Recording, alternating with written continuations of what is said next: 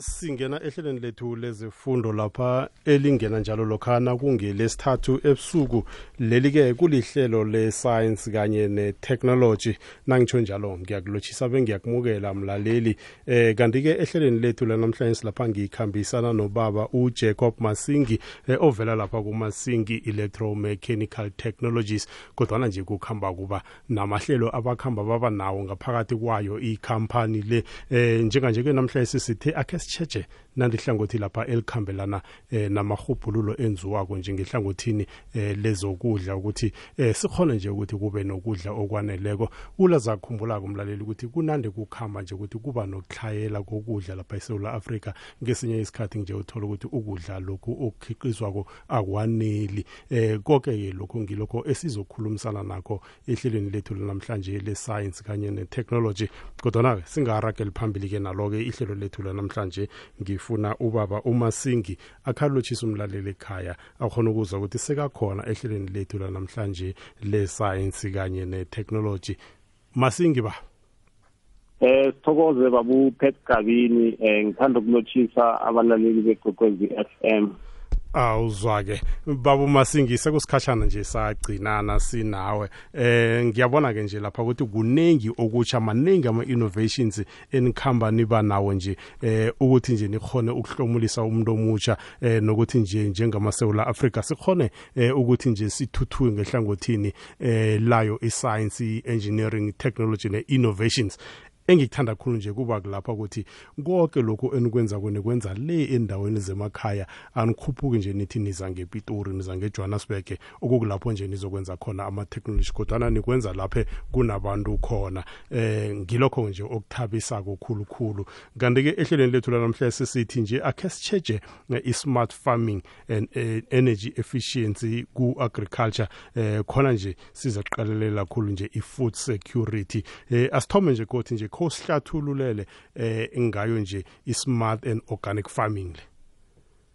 le eh i-smart and organic farming eh yaqala electromechanical technologies eh la khona ya ya research ukuthi ingathuthukisa njani eh the food security la emahlelweni wasekhaya eh nesikhathi esineseregisana eh, namayunivesithi ngokuhlukana ngokuhlukana um eh, siberekisane ne-university of pretoria saberekisane tshwane university of technology kwagcina la sibona khona ukuthi manje muthi sibe ne-college ekungeyethu la singakhona ukuthuthukisa kwe-research without ukudependa kuma-institution amanye sayenza imasingi technical college la khona sithuthukisa kwe-research ku-animal production ne-crop production so kwaba kulapho si-initiate i-project le ye-smart and organic farming ngokuthi besiqalile ukuthi la emakhaya uthola ukuthi esikhathini esiningi siba namafamasi lawa asahluphekako la angahoni ukusebenzisa itechnology ukuthi bangakhulisa imodlili yabo then sayenza i-project le ye-smart and organic farming masikhuluma nge-smart and organic farming kulokhu asithi sikhuluma ngama-system ayi-two la usifuna wacombine so integrate ukuthi at the end of the day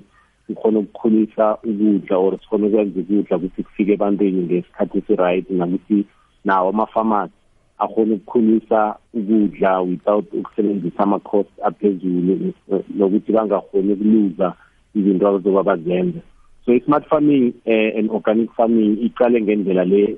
ebebile is either uzokuberekisa i-technology ukutshala uh, or uzokuberekisa ihlabathi but sayibona ukuthi no into le singayibona ukuthi singayenza njani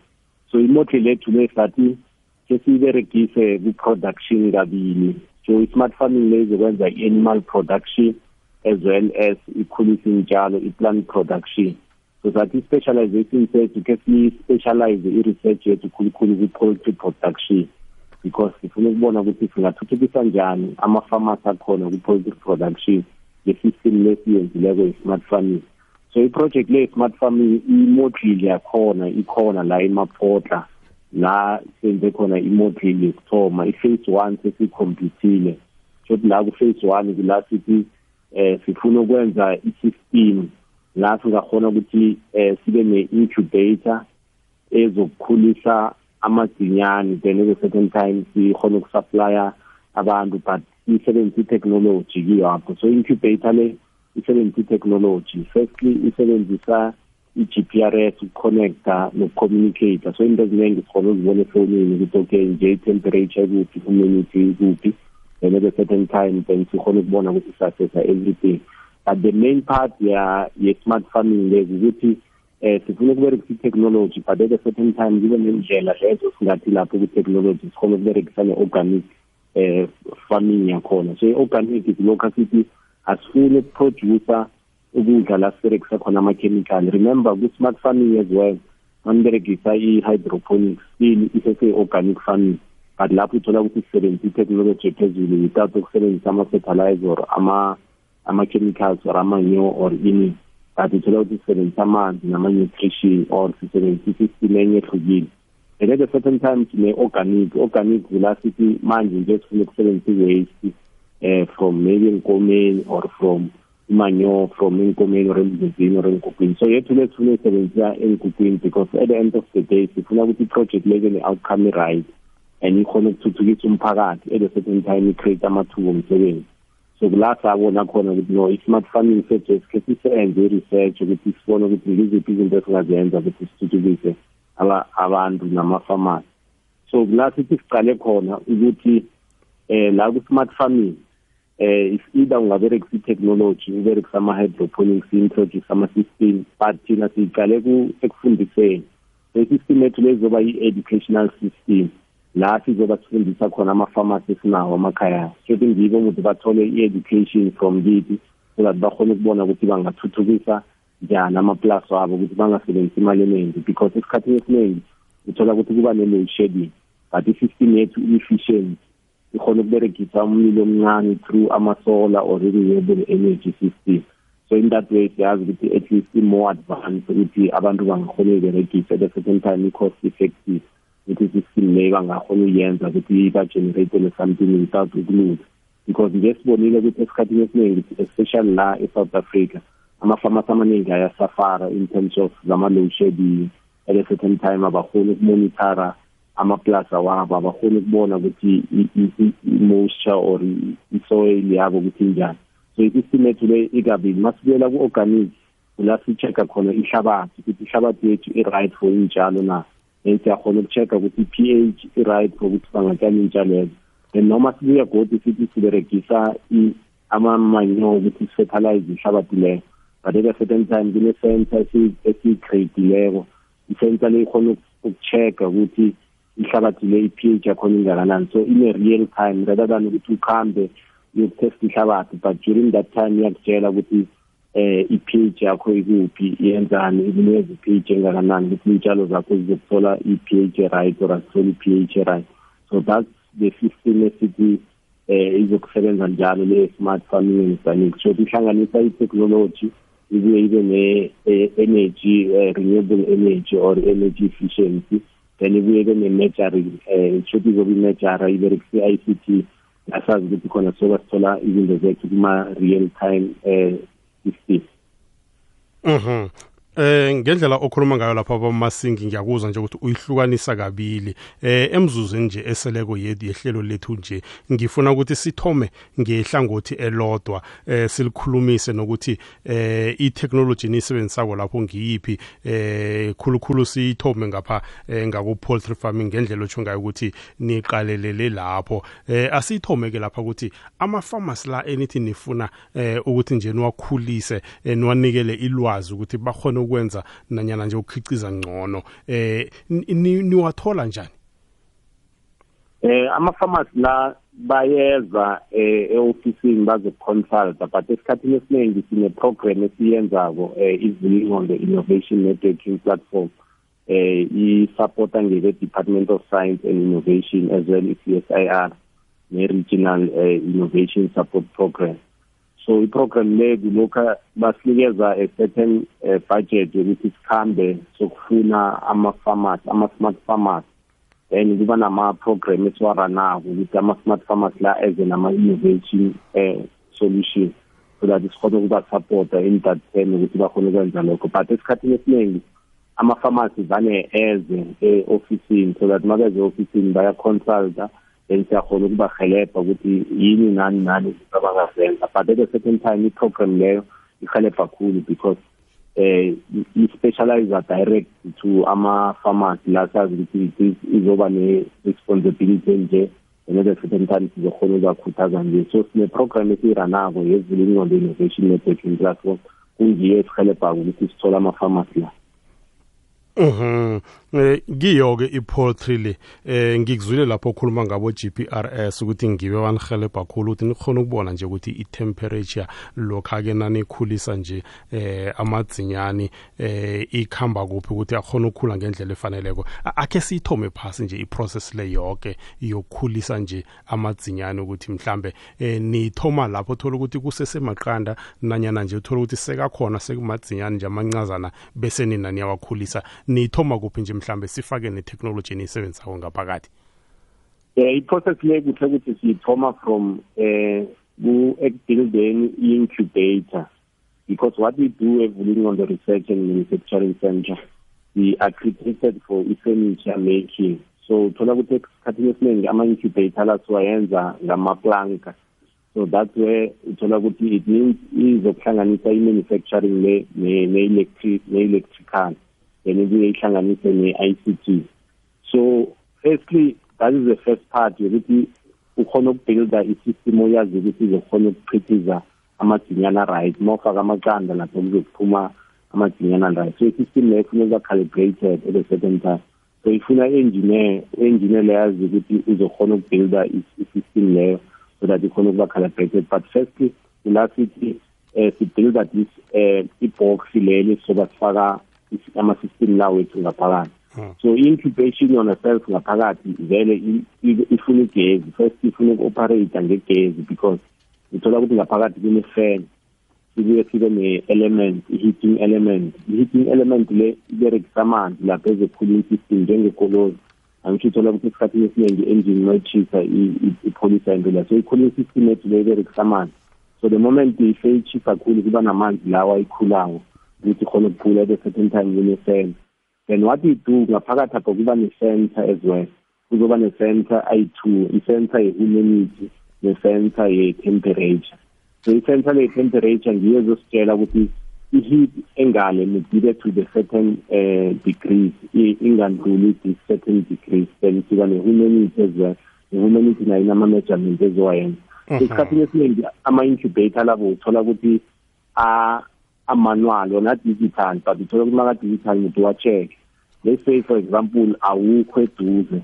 mawungekho eduze uthola ukuthi i-temperature yakho i-high because sometimes uthola ukuthi mawu-high umuntu uvule iminyango so that it's maybe if ingaphakathi kwebhilekile umuntu wenze ukuthi kube ne-ventilation e-right ngaphakathi but uthola ukuthi mayitshisa njalo then awukhona uyibona so nge-g p r s le itechnology esiyisebenzisako so that means izoba connected to masingi akhe akhe ngingene emlonyeni sizakuragela phambili usihlathulele nga-g p r s akhe sithengise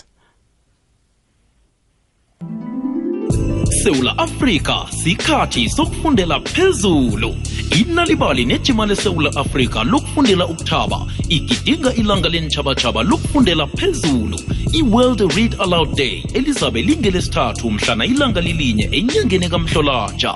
hlanganyela nenalibali ekunikeleni abentwana abaziingide endathu izipho ngaleli langa zibophe ekuqinisekiseni ukobana uzokwabelana nomndenakho akho indatshana etshatsha yenalibali ngelimi elisemthethweni ungazibopha ku-www nalibali org namkha uwhatsappe igama elithi wrad ku-0600 442254 ukhone nokudawunloada indatshana ekhethekileko ngelimi lakho yakha ubudlelwano nomndenakho ngokufunda ndawonye nge-world read aloud day uyilethelwa yinalibali ne-sabc education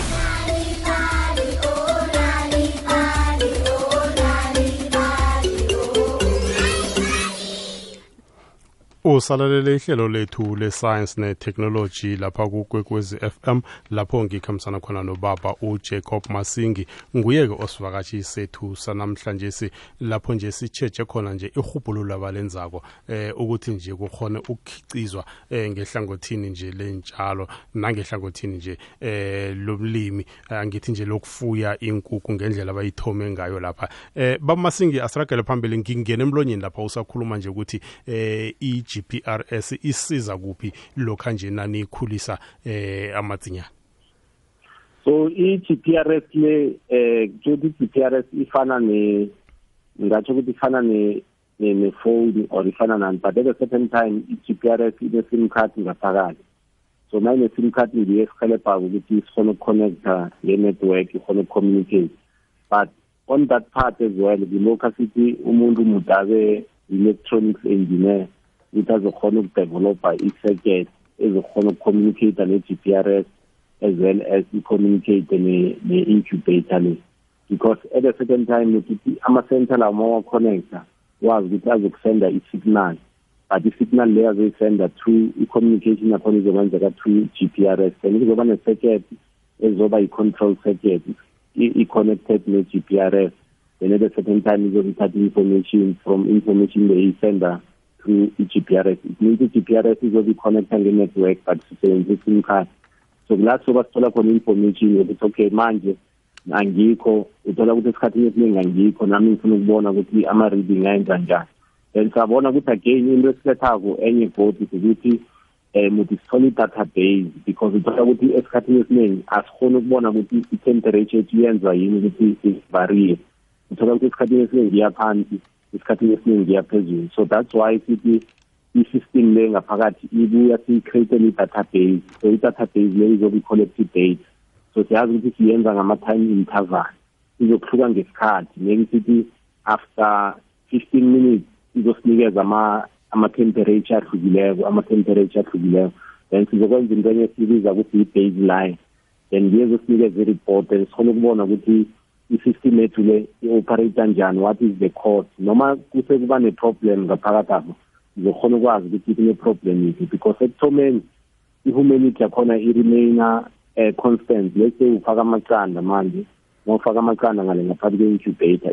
i-humanity yakhona izoba constant ibe constant but the moment um kuthoma kuphuma amadzinyane then i-humanity le iyathoma iyachange because njengoba kunempilo lapho kunemphefumulo zamaginyana so that's where manje i-system yakho umuthi nakhona ithoma uyirekhode kuhle ukuthi okay manje kusekuthoma ukuphuma amaginyana and uzokhona ukwazi ukuthi okay manje i-system yami se-iproduce kuhle because esikhathini esiningi uthola ukuthi abantu baluza um eh, kwi-system le uthola ukuthi uma kune-incubate umuntu ufake iy'nkukhu zakhe amaginyane amacanda ngaphakathi uma kufanele kube yi-production day uthola ukuthi akaproduce amasinyana akhe la akuphumi next then in that way kumele kube effect ye-low shedding or kube effect yokuthi i-temperature yenandi-change i-ventilation ngaphakathi bengasi-right so the moment ma usenama record lawo uzokhona ukwazi into zami bezikhamba kuhle and again ibahelebha godi ukuthi uthola ukuthi i-system legodi kuyaye bahelebhe lokha uthola ukuthi bakunikeza amaqanda angasifethana wena wabeka amaqanda lawo fetani then nge-system leyo uzokhona ukuba ikhombisa ukuthi okay manje i-system yami nasi-ke record i-temperature yami beyihlala i-right nasi i-temperature yami ngitsho ukuthi mina for my side umtshini wami awuse-right because uthola esikhathini esiningi mabathi uthola i-refund yakho awusakhoni uyithola because awunama-record angakhomba ukuthi i-system yakho ndiyo beyiberega right or into leyi then uthola ukuthi ama-farmers amaningi ayaliza njalo ayinvesti imali eningi kwi-project then abatholi ama-returns wabo so i-system le ihelebha kaningi that is le ngiyo sizokhona ukuyiberegisa ukuthi sibone ukuthi iziphi izinto engayenzela ama-pharmacy ukuthi bakhona ukuchubeka bayenze right then nge-system legodi eh, um that is ngithi in that way it's a very good thing eh, in terms of ukuthi kwi-poultry production even ama-pharmacy i-incubator incane angakhona ukuregisa amakhosi okuthi ayithenga amadzinyani but angakhona ukukhulisela azenzela amadzinyani akhe from emacandeni and azi ukuthi uzokuberekisa then in that way bazokhona ukwenza i-profit bakhona ukureduca i-standard sabo mhm. but i believe ukuthi i-research le e, izuze abaningi because abaningi ama-farmers bathoma ukuba ne-knowledge yokuthi yini izinto ezenzekako then you are still continue enze i-research so that the end of the day sithole i-back solution leyo ama-pharmacy amaningi angakhona uyisebenzisa ukuthi bagcine baba-right esitandardini sabo leso bangakhona ukukhulisa inkukhu ngaso mhm. nasele sisonga leli hlangothi-ke mhlambe ngendlela oyihlathulula ngayo-ke eh mhlambe-ke nje ama-farmers abalimi laba eh abasebenza eh ngokukhuliswa kwamadzinyani eh ilwazi elifunekako ukuthi nje mhlawumbe umuntu akhone ukuwakhulisa akhone ukukhambisana ne-research ne-technology le esetshenziswa lapho eh ifuna umuntu onjani eh ngingatsho ukuthi ifuna umuntu omunye nomunye but into ebalulileko yi-education because ilwazi ngilo elibalulekileko so vane sikhuthaze ah, abantu abaningi ukuthi beze bazokufunda or bafunde baye kuma-college or ema-university so that bathole ilwazi ilwazi ingaba yi-technical skills eh maybe ufundele for agriculture or ufundele for engineering because or ufundele for IT ufundele but at the same time uthi uthole i-skills e-agriculture as well as well as namanye ama-skills la but into ebaluleke khulu ukuthi ama-farmers la abathole i-education then mabathole i-education bathole i-education e-right bangathole i-education just ukuthi bathole i-state or bathole i-diploma kodwa bathole education nabo angafuna ukuthi nabo babe yiphathi ye-system yokuthi i-education nabo bayifundele ine-right way bafuna ukuthola ilwazi eli-right noma bafuna ukuyiberegisa everywhere ungatholi ukuthi bagraduatile because sibona ukuthi esikhathini esiningi sinama-graduate amaningi e-agriculture but abantu abaparticipate ukuthi i-system laba bayibelekisele ukuthi akusiko laba babe ma-graduate so but not ukuthi ivala that part yokuthi bayenze leya because uthola ukuthi esikhathini esiningi umuntu uyakhona ukufunda ayiwazi or azume athende ama-program as i said ukuthi kunama-program asponsora i-c s i r ne-department of science uthola ukuthi baparticipate kuma-program lawo then bathole ilwazi so into ibaluleyo ukuthi abantu abeze bazothola ilwazi noma bathole ilwazi then sizokhona ukubuilda ama-system amaningi a-innovative science ne-technology Mhm. Asikhwele phezukwa leyo gcina nasinesikhathi sethu njengathi sesiyancipha. Eh ngikuzwe lapha ukhuluma ngehydroponics kodwa na nje godi ubuye ukhulume ngeorganic ngombana lapho nje uthi nasikhuluma ngeorganic kukulapho singasebenzisi khona khulu amakhemikhali. Eh zihlangana njani embilisi? Eh basikhuluma ngeorganic nakhona kuorganic asebenzisa amakhemikhali. But manje kuorganic yethu le eh sifuna ukwenza something like eh i-biogas system but asifuni ukuproduce i-biogas nabona i-system ye-biogas injani mm. but what we only need thina sifuna ukuthola amanzi from this uh, system because let's say sithatha i-waste from engukwini then sibringa something like i-storage so masibringa something like i-storage then you know ukuthi si-drain kunjani uthola ukuthi i-drain kuna-first uh, block la khona ufake i-waste khona then mawuthela amanzi ngale kwidrain amanzi lawa azokuhamba aphuma water kushothi izokusala nge-waste so amanzi lawa azobathatha ama-nutrition from e-wastini le ma ngathatha ama-nutrition aya ku-waste then senza the i-storage la sizoba sistora khona amanzi lawa then amanzi lawa mawathatha nekuwahlalisa more than seven days then azoba abulala ama-gas lawa akhona because uthola ukuthi esikhathini esiningi iwe isephume enkukwini or ephume enkomeni uthola ukuthi iba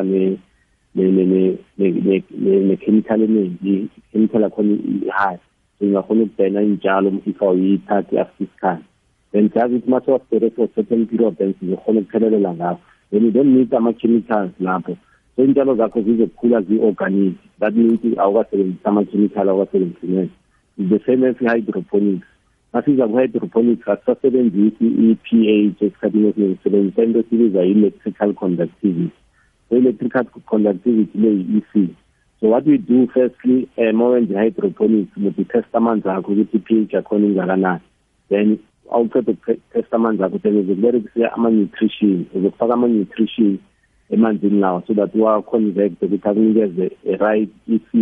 for intshalo intshalo ezinye nezinye nazo zine-ec njengalokhu azine-p h then uzokwazi ukuthi maybe ibed root ifuna three point two ye-ec then uzoconvert amanzi nawo from p h leya ye-six point something then akunikeze i-ec le then uzokhona ukwazi ukuthi wenzani so imehluko is the same but nathi thola ukuthi esikhathini esiningi asisasebenzisi i-organic because eh uthola ukuthi sisebenzisa ama-chemicals ukuthi sikhona ukukhulisa iy'ntshalo zethu msini so masebenzisa ama-chemical ngehlabathi le iyamotsheka yehlabathi mayimocheke uthola ukuthi umuntu uyabuya uyatshala ehlabathini yayisaproduce iy'tshalo ezi-right then ma ingasaproduce but the-organic you never go wrong because ma usewuberegisa umsuco nani nani then uthola ukuthi i-process yakho ihlabathi yakho izokuhlala i-fertile all the time and that's what you need in fact ukuthi abantu sibuyele back to the system yokuthi let's use ama-organic but at a certain time it's very high production le sazi ukuthi singakhona ukwenza i-food security ukuthi ihlale khona Mhm.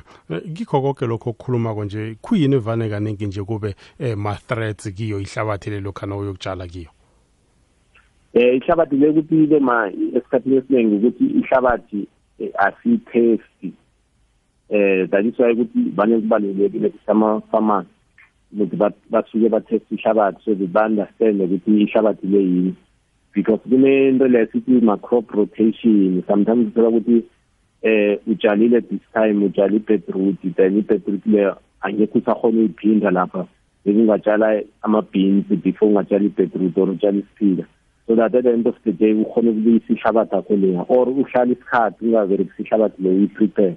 so isikati nesingesethetho i pre-soil preparation it's all preparation that ukuthi asiyenze right and uma singayenzi right sokuthi asifikeze um into esifuna ukuzithola then masingazitholi then uthola ukuthi sisebenzise amakhemikhali yes ma usebenzisa amakhemikhali iy'ntshalo zizokukhula but at a certain time iyntshalo lezo azibi right for ebantwini say-health yabo so nalokho muthi siqale nabo ukuthi iyntshalo esizise ebantwini ma siceda ukukhula muthi sicale ne-health ukuthi abantu bazokhona ukuthola ukuthi loku-fresh then at the end bangabi namagulo amaningi because ngama-chemicals sometimes uthola ukuthi yaba affect then uthola that iswa nje sinamadwela amaningi akhona because of uthola ukuthi abantu asisadi ukuthi ku-right mhm baba masingi asiyisonge nje amaphuzu aqakathekileyo ngesihloko sethu sanamhlanje si eh, mina ngingathanda ukuthi abantu manje bazi bazi bazibandule and at a certain time bayazi ukuthi la emakhaya kuyachisa iy'tshalo zisatshaleki not ukuchisa kuphela amanzi akasekho so uma beregisa ama-system anjengama-smart and organic farming system kula sazi ukuthi awusebenzisa amanzi amaningi at a certain time awufuni indawo ekulu and angekho ube ne-waste eningi so but into ebaluleke ekhulu akeze baze kuthola ilwazi abathola ilwazi ba-participate nakuma-initiative esiwayenza kwama-research nalabo bafuna ukwenza i-research nathi bazibambile nathi so that sibone ukuthi singashare ilwazi njani ukuthi sithuthukise um isitshaba salakithi la Mhm. Bama singiyazi kaningi nokhuluma ngabantu abasha khulukhulu ngombana nisebenza nabo. Eh uthola kaningi nje bona kuba abantu nje abafuthi abafuna ukuthi nebathola imali bayithole ngobuningi. Eh ngiyabona lapha nje ukukhuthaza ukuthi eh akameli ukuthi uthome ngento enkulu. Kumele uthome kancane nje mhlambe iidea nje nokuzimisela lokho. Eh khulukhulu lokho na ufuna ukuzuza ngihlangothini layo nje abo smart farming laba eh nabo energy efficiency ukuthi besikhona ukuba nokudla okwaneleko eh, um ungathini nje mentally um ukuthi babe fit ukuthi nje bakhona ukungena emkhakheni lo um ngaphandle nje ukuthi mhlawumbe umuntu afuna ukuzuza asathoma sathoma zisuka zibekwa yena vane ngitsho ukuthi i remember nami I, i was one of the innovator bengikhona ukubuild amaseketi ngenzani but at a certain time ngibona ukuthi angitholi i-support eliningi sokula ngathoma khona kancane uthola ukuthi um uqala kancane let's say ukhulisa inkukhu maybe uthoma nga-hundred uyakhamba uyathengisa ujwayela abantu then into ebalululeka ukuthi ube ne-income ezongena kuwo then uma uba ne-income then uzokhona ukuba ne-focus kwi-innovation but into esibethako kakhulu uthola ukuthi la emakhaya isine-unemployment rate ephezulu so uthola ukuthi umuntu noma aqalile ucale ukuthi eyi ma ngingathola imali eningi manje izinto zami zingakuhamba right but isinto upassionate ngayo ungafika ungene because elento sifike uqala kancane ukuhamba ngama-step up until i-reacher i-goal ezokuyi-reacher but engingabakhuthaza ngakho ukuthi kubalulekile ukuthi uqale kancane u-understand the process and the moment uqala kancane uzokurejista indaba leyo yokudiphenda ebantwini because abantu abaningi amakheri yabo amosheka because of uthola ukuthi bafuna ukudiphenda emuntwini the moment udiphenda emuntwini uthola ukuthi ungena endweni eziningi ezifana nenkolodo nani nani awusakhoni ukumaintain i-life yakho then ne-innovation neyiyafa uthola ukuthi ama-ideas labo unawo akasakhoni ukuchubeka but the moment ma ungathoma kancane kancane uzoba ugcine uricha igoal uzoba uyifuna Mhm. Eh, mhlambe ke usayikhuluma njalo njengabo employment into njengaleyo. Eh bekube nje mhlambe amathuba wemsebenzi nje esenwavulile for abantu abatsha ungathini bese usinikele nenomboro lapho bangakuthinda khona. amathuba avulile manje eh ngikhuluma ngomathuba omsebenzi eh solo sathoma in 2015 nje sa more than 560 because currently sina almost aba sina 110 abantu ababenefitako from our project kunama-program ama-learnership nani nani but um eh, ababenefitako bayi-hundred and ten currently esinabo for this year then still kusenamathuba amanye asezawo lapho sazi ukuthi sizongezelela inamba so that at the end of the day abantu abakhona ukuthuthuka so ngingatsho ukuthi khona amathuba amaningi omsebenzi sesiwacreatile more than 560 jobs sesiwarekhodile abantu ababeregileko from the project then at the same time sisaqalile ukuthi sizobathuthukisa njani so abantu bangasithola ku-060 95 60 552 060 9560 552 or basifike office yethu isemaphota Mhm. Sithokoze bamasingi nje isikhathi sakho nelwazi nje olabelene nomlaleli wekugwezi FM. Thokoza mina khulu babu Pat Gabi. Awuzwakhe. loyo bewungubaba ujacob masingi ovela lapha kumasingi electromechanical technologist kodwana nje sekasihlathululela ngamahubhululo ahlukahlukeneko nje ababa nawo ngaphakathi kwayo iprojekti le asilibeke lapha-ke ihlelo lethu lanamhlanje le-sayensi kanye ne-technology ngithi-ke mina nawe-ke mlalela sibuye kodwa sihlangane kilo leli hlelo ngolosithathu weveke elandelako lapho-ke sizabe sesikuphathele esinye godu isihloko esimayelana nayo isayensi kanye netechnology kwanamhlanje si akube mumusa